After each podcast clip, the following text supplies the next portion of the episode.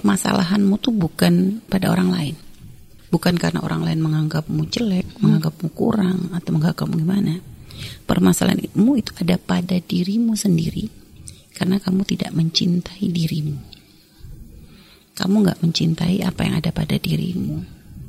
Sehingga itulah menjadikan kamu selalu merasa bahwa kamu tuh buruk.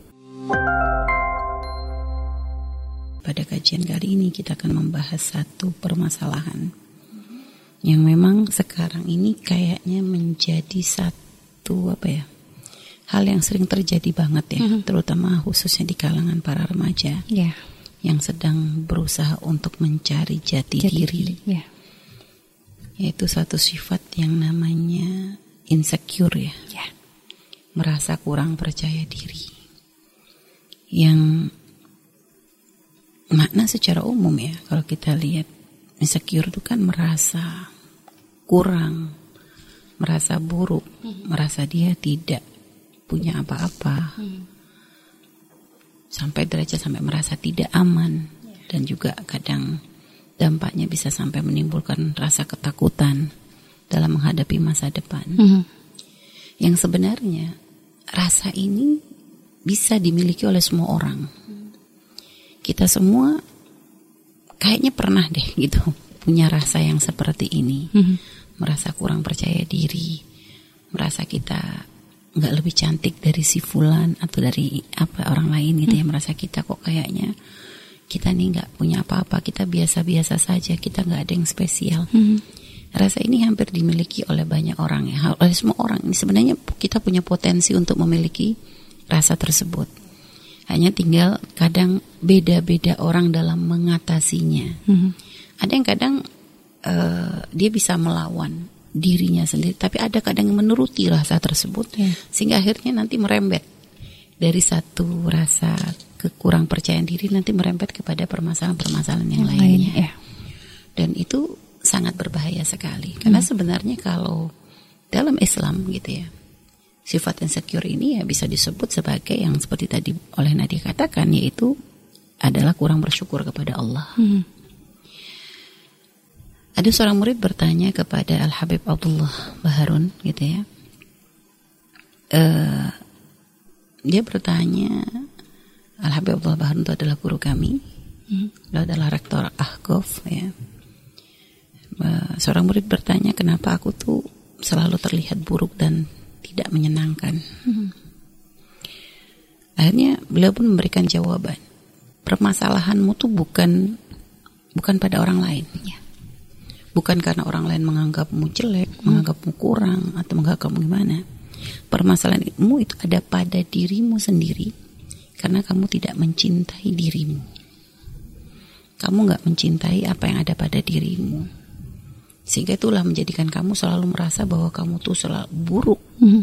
dan merasa bahwa kamu tuh ya ya nggak punya apa-apa gitu loh akhirnya murid tadi pun kembali bertanya kepada Al Habib Abdullah Baharun gitu ya e, aku ngerasa kayak gitu tuh liana nilai syai karena aku tuh memang nggak punya apa-apa ya Habib Al-Habib Abdullah memberikan jawaban yang luar biasa. Satu jawaban yang Masya Allah gitu ya. Uh, beliau mengatakan, aku juga lasyai, kata beliau. Hmm. Aku juga lasyai. Aku juga nggak punya apa-apa.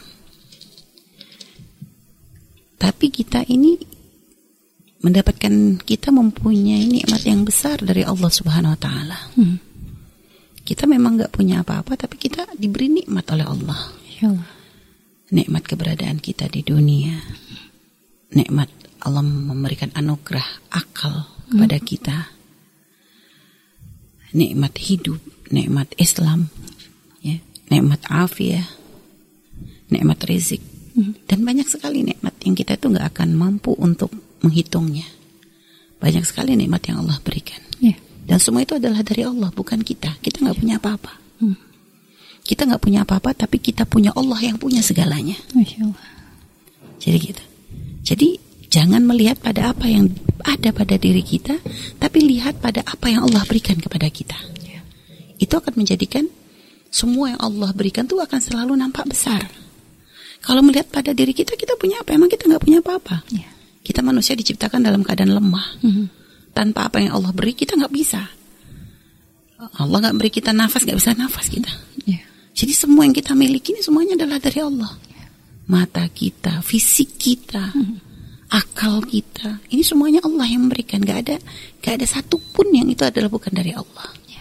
Sehingga walaupun kita adalah yang gak punya, kita adalah makhluk yang gak punya apa-apa, tapi kita punya Khalik yang punya segalanya. Inilah subhanallah gitu ya.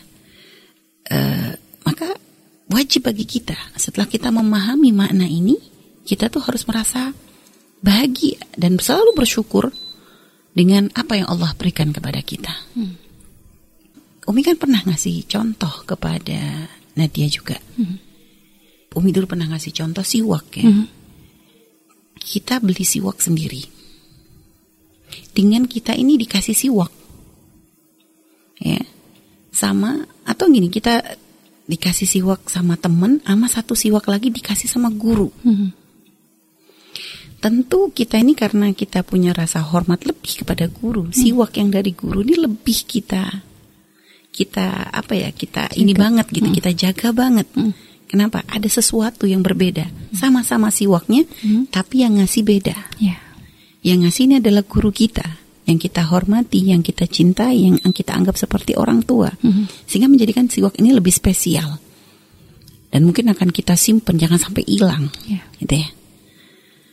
Nah, ya sama sebenarnya. Kenapa kita sama-sama bendanya tapi kita bedakan karena kita melihat kepada yang memberi. Iya. Dan sekarang begitupun cara kita memandang semua nikmat Allah gitu. Sekarang kita nggak ada yang kita punya kecuali ini adalah kembalinya adalah dari Allah. Sehingga bagaimana ada seseorang bisa merendahkan dirinya ketika dia meyakini bahwa apa yang dia punya ini adalah Allah yang memberi. Iya. Gitu. Dan memang seperti yang kata Nadia sampaikan tadi, perasaan insecure ini muncul ini memang karena eh, luasnya apa media-media yang memudahkan kita untuk melihat ini itu dan sebagainya. Apalagi sekarang kita tuh berada di zaman di mana itu good looking itu itu benar-benar kayak menjadi satu prioritas. Sehingga orang kadang tidak dilihat dari prestasi Iya. atau kelebihan yang dia punya ya. Kalau seandainya dia nggak kelihatan bagus secara fisik, memang kadang menjadikan dia mungkin ya tidak terkenal. Ya. Sehingga kadang orang sekarang berlomba-lomba untuk memamerkan kecantikan fisik, Iya. kegantengan fisik gitu ya, kebagusan fisik daripada kelebihan yang dia punya. Sehingga seperti tadi, karena ya itu tadilah salah dalam menonton, salah mengambil panutan, Ya. salah mengambil contoh, itu akan menjadikan hidup kita tuh capek. Ya. Padahal Allah sudah berfirman, eh, Inna akramakum indallahi atqakum. Yang paling mulia di hadapan Allah itu adalah eh, yang paling bertakwa. Jadi bukan yang paling baik itu adalah orang yang paling pintarkah? Lihat Allah tidak menyebutkan hal-hal seperti itu. Ya. Allah nggak menyebutkan maksudnya kayak dari sisi fisik atau dimiliki apakah itu pangkat, apakah itu kecerdasan, apakah itu fisik, apakah itu nasab. Nggak, Allah nggak menyebutkan itu semua. Tapi Allah menilai dari sisi apa yang dia punya. Yang itu menjadi se- harus menjadi satu upaya yang harus memang dilakukan oleh seorang hamba untuk menjadikan dia dekat di hadapan Allah. Bahkan dalam sejarah kita temukan banyak orang-orang mulia yang ternyata skala se- secara fisik sangat jauh dari sempurna. Kisah Julaibib, seorang sahabat Nabi yang secara fisik sangat-sangat tidak ada sesuatu yang istimewa, sangat-sangat kurang. Ya. Tapi ternyata dia bisa menjadi orang yang sangat dicintai oleh Allah. Ya. Lalu kisah seorang wanita Ummu Aiman, seorang budak awalnya kulit hitam yang beliau adalah termasuk orang yang pernah mengasuh Nabi di masa kecilnya. Lalu akhirnya diambil oleh dimerdekakan oleh Sayyidah Khadijah. Dan subhanallah secara fisik tidak ada yang istimewa pada diri beliau. Tapi Nabi memberikan gambaran kalau ingin melihat wanita siapa yang ingin menikahi wanita surga, Mhm. menikahlah dengan Ummu Aiman. Masya Allah. Jadi bahkan subhanallah kita melihat Sayyidah Khadijah sendiri gitu ya. Mhm. Beliau di usia yang seperti itu ternyata sama sekali tidak mengurangi kualitas beliau sebagai seorang muslimah. Ya. Dan kalau sering sekali Umi saya hadirkan bahwasanya bagaimana Sayyidah Khadijah ini di kalangan orang Arab saat itu dengan kelebihan yang beliau punya, memang beliau dikenal sebagai wanita yang secara fisik punya kelebihan. Dan juga memang beliau adalah wanita yang paling kaya saat itu, tapi julukan yang paling ma'ruf, Ya. julukan yang paling terkenal sebelum Islam ya, sebelum Islam. Julukan yang paling terkenal yang disematkan pada diri beliau itu adalah gelar At-Tahirah, wanita suci. Karena beliau sangat bisa menjaga diri dan kehormatannya. Lah lihat. Jadi ini adalah hal yang hendaknya memang harus kita pahami. Jadi tidak boleh sebenarnya ada orang merasa bahwa jadi beda ya antara rendah diri dengan rendah hati. Ya. Kalau rendah diri ini bukan sesuatu yang diajarkan di dalam Islam. Itu malah sesuatu yang tidak baik karena itu menunjukkan makna kurang syukur kepada apa yang Allah berikan. Kalau rendah hati harus rendah hati harus merasa rendah hati mengembalikan apa yang kita miliki ini kepada Allah. Aku nggak punya apa-apa. Pinter kita pinter mungkin. Tapi pintaranku ini siapa yang ngasih Allah? Ya. Fisiknya bagus. Siapa yang memberi? Allah. Lihat, nasabku tinggi. Yang memberi siapa? Allah. Lah, semuanya adalah Allah. Lalu apa yang bisa kita banggakan? Jadi kalau ada orang lupa dengan kelebihan yang Allah beri, dia merasa sombong. Ini orang aneh lagi. Ya. Jadi ada orang tuh model dua, ada orang yang lupa diri dengan nikmat Allah, merasa dia punya semuanya, ini penyakit juga. Ada juga yang kebablasan juga, yaitu merasa rendah diri, merasa nggak punya apa-apa, kufur nikmat juga. Sama-sama nggak beresnya ini. Ini nggak boleh, ini nggak boleh. Ya. Yang diajarkan adalah kita tetap rendah hati. Ya. Kayak kalau orang sombong itu, itu malah aneh kan. Pernah juga Umi contohkan ke Nadia, ada orang sombong gambarannya nih. Nadia titip uang ke Umi, gitu kan? Titip uang Mi, tolong nanti bilang ke Buya. Misalnya nih anggap ada atau mungkin ya kita ke masjid ya, ke DKM, bilang ke DKM, ini eh, Ana menyumbang 10 juta, tapi jangan bilang Ana ya Mi ya. Umi aja deh, pakai atas nama Umi aja. Oke. Umi sampaikan ke DKM 10 juta atas nama Umi kan sesuai perintah Nadia. Eh nggak taunya waktu itu ada Nadia ada Umi di masjid tiba-tiba DKM-nya ngomong Alhamdulillah terima kasih ini kepada Umi yang sudah memberikan sumbangan 10 juta. Coba kalau Umi orang yang sadar diri, Umi merasa malu banget dong. Dipuji, aduh ini bukan punya Ana nih, ini yang ngasihkan Nadia malah yang dipuji kita lagi. Coba Umi akan malu. Tapi kalau orang nggak tahu diri, emang iya sih. emang aku paling paling gede sodakohnya di sini. Lihat orang nggak tahu diri itu kan. Kita kalau ada nemu orang gini, dia merasa sombong ketika disanjung untuk sesuatu yang dia nggak miliki. Di, bukan dia yang memberi, bukan dia yang punya. Kan kita bilang ini orang geblok banget gitu lah. Nah ini contoh yang begitu saja kita katakan lucu kalau sampai ada orang berbangga untuk sesuatu yang nggak dia miliki atau bukan dia yang memberi. Dia merasa sombong dengan itu kan lucu. Ya, bagaimana ada seorang hamba dia merasa bangga dengan kecantikannya yang itu adalah punya Allah. Allah, ya. Dia bangga dengan kekayaannya itu adalah dari Allah. Dia bangga dengan dengan kecerdasannya itu juga Allah yang memberi gitu loh. Wong dia nggak punya apa-apa kok dia mau sombong dengan itu. Lah kan ini orang lucu, orang keblinger gitu lah. Jadi gitu. Jadi makanya kita jangan ada di sifat ini, jangan ada juga di sifat satunya.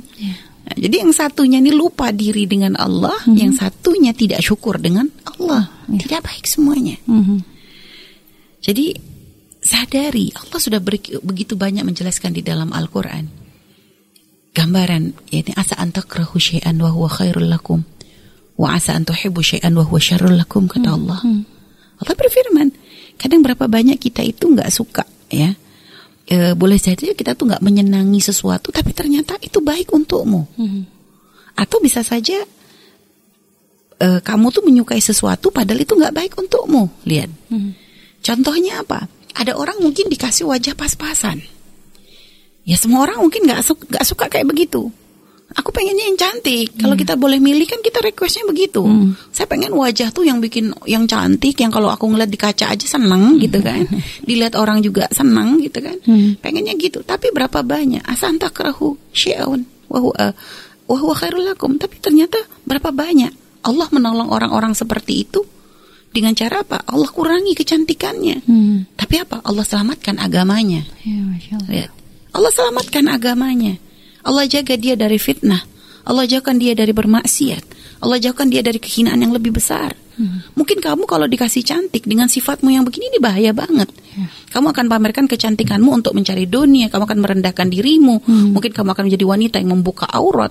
Mungkin kamu akan menjadi wanita yang bisa menjual diri untuk hanya sekedar beberapa rupiah kan gitu lihat. Jadi jangan jangan jangan merendahkan artinya prasangka baiklah kepada Allah gitu loh. Karena kadang sesuatu yang nggak kita suka bisa saja itu adalah cara Allah untuk menyelamatkan kita Ya. untuk urusan yang lebih gede lagi. Wasa antuhibbu syai'an wa huwa syarrul lakum kata Allah. Dan bisa saja kamu menyukai sesuatu tapi ternyata itu buruk untukmu. Dan berapa banyak orang terjerumus di sini. Ya.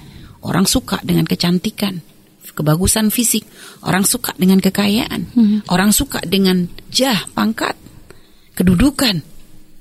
Tapi berapa banyak orang yang hancur gara-gara itu semua. Tapi dia nggak sadar. Ya. Dia nggak sadar bahwa dia menuju kepada kehancuran. Sehingga berapa banyak orang durhaka kepada Allah karena hartanya. Korun adalah contoh yang sangat nyata. Berapa banyak orang karena kecantikannya subhanallah dia rendahkan, dia obral auratnya, dia pamerkan kecantikannya, dia tidak malu mempertontonkan fisiknya. Dia rendahkan dirinya, dia lupakan syariat, dia lupakan Allah, dia lupakan aturan. Dia berbangga dengan itu semua. Dia menganggap inilah kemuliaan, lihat. Berapa banyak orang tertipu dengan itu semua. Dan betapa jauhnya mereka dari Allah kalau mereka tidak tidak menyadari hal ini. Dan bangga mereka dengan itu semua. Kekayaan, jah pangkat berapa banyak? Karena pangkat yang disukai oleh banyak manusia orang yang dengan pangkatnya dia berbuat dolim tidak amanah dengan jabatannya. Mengambil haknya orang fakir miskin. Lihat. Ada banyak ada banyak hal yang kadang subhanallah rahasia Allah yang kita tuh nggak tahu. Tapi tugas kita sebagai seorang hamba adalah terus berprasangka baik kepada Allah Ya. syukuri nikmat Allah perbesar nikmat Allah yang Allah berikan kepada kita dan tanda syukur tuh bagaimana? Jangan kecilkan. Apa pun yang Allah berikan kepada kita, syukuri. Ya. Dengan apa? Dengan tentu mengembalikan semua apa yang kita punya ini kepada Allah. Itu rasa syukur yang sesungguhnya. Bukan sekedar dengan mengucapkan Alhamdulillah. Alhamdulillah harus, karena ini adalah pengukuhan kita. Segala puji bagi Allah. Segala puji bagi Allah. Lalu dengan disbarengi kesadaran dalam hati yang aku miliki ini adalah milik Allah. Aku nggak punya apa-apa. Semua adalah pemberian dari Allah. Lalu dilanjut rasa syukur kita dengan apa? Dengan menjadikan nikmat yang Allah beri adalah jalan untuk kita bisa menuju kepada Allah. Ketika Allah memberikan kecantikan, apa yang Allah harapkan dari kecantikanmu? Apakah untuk kau pamerkan? Atau untuk kau mencari pangkat tinggi di hadapan Allah? Jadikan kecantikanmu jalan untuk menyenangkan suamimu. Cantikmu adalah untuk membahagiakan yang halal untukmu kan gitu. Ketika Allah memberikan kecerdasan kepadamu, apa yang Allah minta darimu? Allah ingin dengan kecerdasan yang kau beri yang kau yang Allah berikan padamu, jadikan kecerdasan itu jalan untuk kamu manfaat untuk orang lain. Berbagi ilmu, mengajarkan ilmu, melakukan hal-hal yang baik. Dengan jabatan, kamu bisa melakukan banyak hal yang tidak bisa dimiliki oleh orang nggak punya jabatan. Amar ma'ruf nahi mungkar, lihat.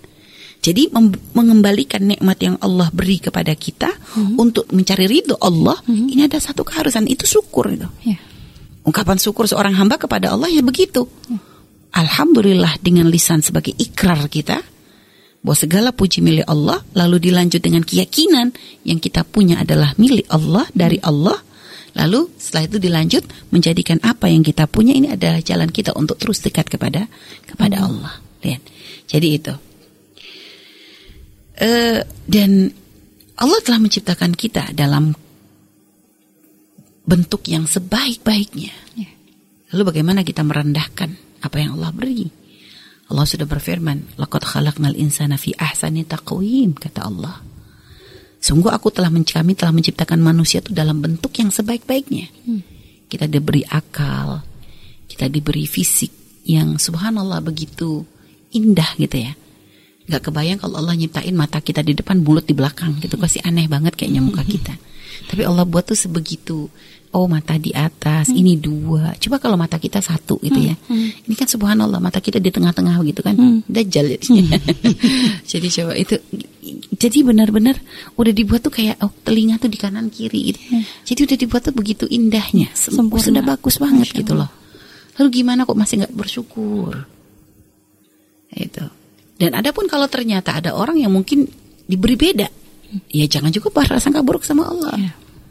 Ada orang mungkin di saat mata lain bisa digunakan untuk melihat, eh ada orang nggak bisa ngelihat. Ya. Oh belum tentu jelek juga, karena ternyata apa? Mata tuh memang satu sisi nikmat, tapi ada hisapnya loh ya. ya ada hisapnya. Kita lihat apa? Nih orang yang buta udah lolos tuh dari politi dari hisapnya tuh. Ya. Mereka nggak dihisap nanti di akhirat. Kamu ngeliat apa yang apa yang nggak dilihat? Mereka nggak ngelihat kok. Ya. Dan betapa banyak ternyata hamba-hamba Allah yang diberi kebutaan, tapi mereka subhanallah, mereka bisa menggunakannya untuk jalan menjadikan Allah ridho. Hmm, mereka menghafal Al-Quran, mereka bisa menjaga diri dari yang haram karena termasuk mata dan telinga ini kan nawafidul syaitan, min nawafidul syaitan. Hmm. Termasuk jendela syaitan, di antara jendela syaitan itu mata dan telinga. telinga ya. Tapi dia telah ditutup satu jendela matanya sehingga dia terkurangi urusan maksiatnya. Hmm. Kita ini loh yang oleh Allah dikasih mata. Berapa banyak mata kita kita gunakan tuh yang haram. Ya kan? Ini maka jangan jangan jangan jangan merasa maka asa antak asa antak syai'an bahwa khairul lakum. Hmm. Yang buruk menurutmu bisa saja itu baik gitu loh maka prasangka terus yang baik kepada Allah gitu nah terus juga gitu ya jangan kita tuh merasa menjadikan diri kita tuh selalu merasa lemah merasa sedih gitu ya dengan itu pun Allah nggak Allah nggak nggak nggak senang artinya Allah berfirman wala tahinu wa antumul a'launa in kuntum mu'minin. Subhanallah. Lihat. Kata Allah, jangan kamu merasa lemah. Jangan kamu bersedih hati. Sebab kamu itu akan menjadi orang yang paling tinggi derajatnya jika kamu beriman. Ya Allah, itu nikmat yang termahal.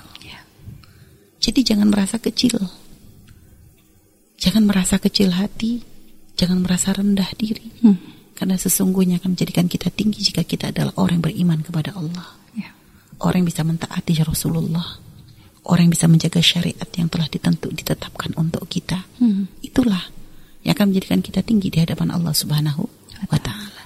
Jadi seperti itu para akhwat, para pendengar di mana pun Anda berada. Artinya para akhwat yang mungkin punya permasalahan ini, ya jangan kecil hati Ketika Allah memberikan kepada kita kekurangan di satu pintu, Allah memberikan nikmat lebih besar di pintu yang lain. Ya.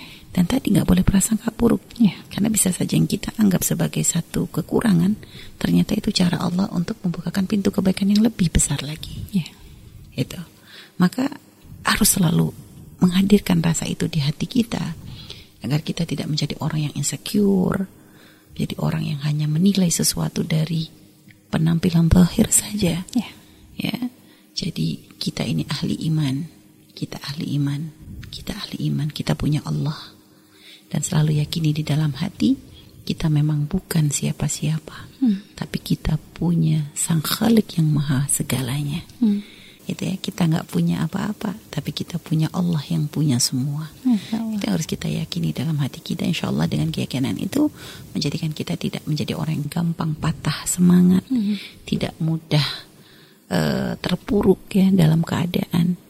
Dan insya Allah itu menjadikan kita semakin lebih kuat dalam menjalani kehidupan insya Allah. Wallahu hmm. alam bisawab. Ada sedikit yang ingin Nadia tanyakan Umi. Hmm. Eh, yang tadi Umi sampaikan itu kan salah satu sebab rasa insecure itu muncul itu kan uh, salah satunya adalah panutan dan tontonan gitu ya Umi dari yeah. itu munculnya itu dari panutan dan tontonan yang uh, kurang baik gitu kan. Nah kira-kira apalagi Umi rasa uh, insecure itu bisa hadir di dalam diri kita? penyebab lain? Kalau melihat ya, banyaknya kasus insecure ini dikarenakan apa ya? Kalau kita belajar dari pengalaman kita gitu. Ini kayaknya masa kecil kurang bahagia. Nih. itu kayaknya pengaruhnya gede Pengaruh, banget. Ya, gitu. ya, Insya Allah. Karena anak-anak kecil sekarang nggak sebahagia anak kecil dulu. Hmm. Anak kecil dulu itu dalam mengekspresikan diri itu bebas. Maksudnya tuh apa ya? Kita tuh benar-benar kayak eh, kita tuh benar-benar kayak dilatih untuk bersosialisasi. Mhm. Terus untuk apa sih apa yang ada di otak kita itu dulu kan gitu kan kita berpetualang. Jadi benar-benar kita tuh hidup dengan alam, Mhm. hidup dengan orang gitu lah. Sehingga menjadikan kayak kita tuh kayak punya apa sih kekuatan lebih gitu ya. Hmm. Fisik kita eh apa itu kan kayak terbentuk gitu ya maksudnya secara karena zaman dulu tuh permainan tuh kan permainan ini semua gitu. Kita temukan waktu zaman kita kecil tuh nggak ada kayak temen yang diem di kelas deket. Yang pendiam pendiam juga tuh tetap aja mereka tetap sosialisasi sama yang lain gitu loh. Hmm. tapi kalau sekarang kan enggak kalau sekarang tuh anak kecil sudah dari kecil sudah dididik dengan tontonan, tontonan sehingga kadang ngomong sama teman males. Sehingga kerjaannya hanya dengan dunia ini, dunia hayalan, melihat dan ini itu menjadikan lemah. Lemah secara apa ya? mental, lemah secara fisik. Akhirnya kan berpengaruh. Iya. Uh, salah mensana in, cor in on atau apa itu istilahnya Eh, jiwa yang sehat ada dalam tubuh yang kuat kan gitu. Jadi kelemahan fisik ini menjadikan jiwa juga menjadi lemah gitu loh. Jadi maka Umi tuh sering ngomong sama anak santri, nak bener gitu. Umi tuh tanyain permainan apa sih yang Umi nggak main waktu kecil gitu loh. Berpetualang ke hutan, itu Umi jabanin.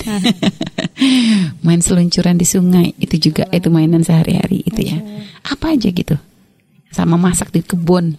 Ini juga itu menjadi suatu hiburan. Terus semuanya kayaknya nggak ada permainan yang kita nggak pernah main gitu. Jadi nggak menjadikan kita tuh kayak makanya kalau kita lihat orang dulu tuh teger gitu loh dalam menghadapi masalah tuh lebih kuat, gitu daripada anak-anak sekarang. Anak sekarang itu gampang down.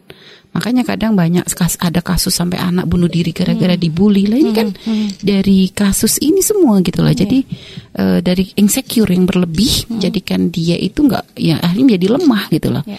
Dia menjadi akhirnya terbully, dia menjadi akhirnya ya itu akhirnya dia pikirannya tuh uh berat gitu. Dia kayak merasa oh gak berharga. Akhirnya lihat sampai kasus banyak yang melakukan bunuh diri hanya gara-gara seperti itu. Nah itulah. Makanya perlu nih para orang tua nih untuk membuat anak-anak kita nih bermain-bermain yang sehat gitu ya. Iya. Jangan habiskan waktu mereka hanya dengan tontonan, hanya dengan handphone ya.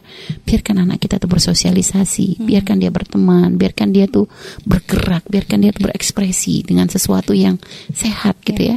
Jangan terus dicekoki dengan dengan hanya duduk di depan kursi ya, di depan handphone, di depan laptop, di depan masya Allah, di depan game yang ini akan mer- merusak mental mereka lama-lama gitu ya. Ya Itulah makanya insya Allah itu termasuk yang kalau kata Umi itu sebenarnya penyebab yang paling besar gitu ya. Penyebab yang paling besar itu karena cara hidup yang tidak sehat tadi itu ya. Cara pola pola pola hidup yang tidak sehat yang tidak sesuai dengan umur mereka gitu ya. Baik Allah alam. Baik, sampai ada istilah sekarang tuh generasi sekarang disebutnya generasi strawberry Umi. Ya, iya. Karena Gampang di- rusak. penyok, eh, Gampang busuk. Di toel sedikit langsung penyok. Iya, gampang. Strawberry kan gak awet. Iya. Taruh aja di luar sebentar udah langsung meleleh itu. Iya, kita penyet aja gitu kan udah ya langsung hancur ya, hancur Ah. gitu kan. Kalau dulu mah eh, generasi kelapa itu Masya Keras banget. Susah tahan banting dibikin. Tahan Kebanting dari atasnya nggak hancur. Masya Allah. Masya Allah. Tapi tentunya dari orang tuanya juga Iya ya. Mi ya. Itu kan orang tua. Kesalahan terbesar itu sebenarnya pada orang tua gitu ya. Jadi itu karena ya itu tadi ya kurang kurang kita memberikan hiburan untuk anak-anak kita hiburan yang sehat. Jadi kalau sekarang ya karena orang tua semuanya serba instan. Iya. Jadi pengen ngasih hiburan yang instan yang gampang. Anak nangis kasih handphone, anak gini kasih handphone, merengek kasih handphone. itu aja sudah solusi kayaknya untuk semua permasalahan. Pengajian kasih handphone. Kayaknya nggak nemu solusi lain deh orang tua sekarang tuh kan banyaknya begitu. Padahal banyak eh, eh, bukan bukannya ya bukan bukannya menyelesaikan masalah tapi Oh, malah itu nambah masalah di ya. atas masalah. Iya, baik, Masya Pisau aja ada waktu umur orang ngasih orang tua ngasih izin anak pakai pisau itu kan ada umurnya. Iya. Ada waktunya kapan. Kita kalau anak masih kecil banget nggak bakalan tega ngasih pisau, takut melukai tubuhnya. Iya. Takut dia terluka. Tapi sekarang berapa banyak orang ngasih handphone sebelum waktunya. Pisau melukai tubuh, tapi kalau handphone merusak moral, merusak mental. Lihat kalau tidak ada kontrol kan gitu. Kita emang nggak bisa menghindari. Kita nggak bisa memang menghindari untuk handphone di dunia gadget atau yang, yang seperti itu untuk saat ini emang susah. Tapi bukan berarti dilepas tanpa batas. Jadi kontrol, itu penting. Jadi boleh kasih mereka karena kalau kita nggak memfasilitasi pun bisa saja nanti liar. Iya. Nanti malah pinjam pinjam teman itu lebih bahaya lagi kalau tanpa kontrol. Ya, tetap dalam kontrol, eh, artinya kita beri tapi dalam kontrol, tapi kasih juga dia yang lainnya. Ya. Harus ada waktunya. Tidak selalu terus dengan seperti itu. Boleh kamu ini ada jamnya. Ah, Nabi sekarang main sama temanmu, lari sana, main ini, ini. Jadi gitu, kasih alihkan gitu loh. Ya. Jangan biarkan terus anak kita dengan seperti itu, itu kan merusak nantinya.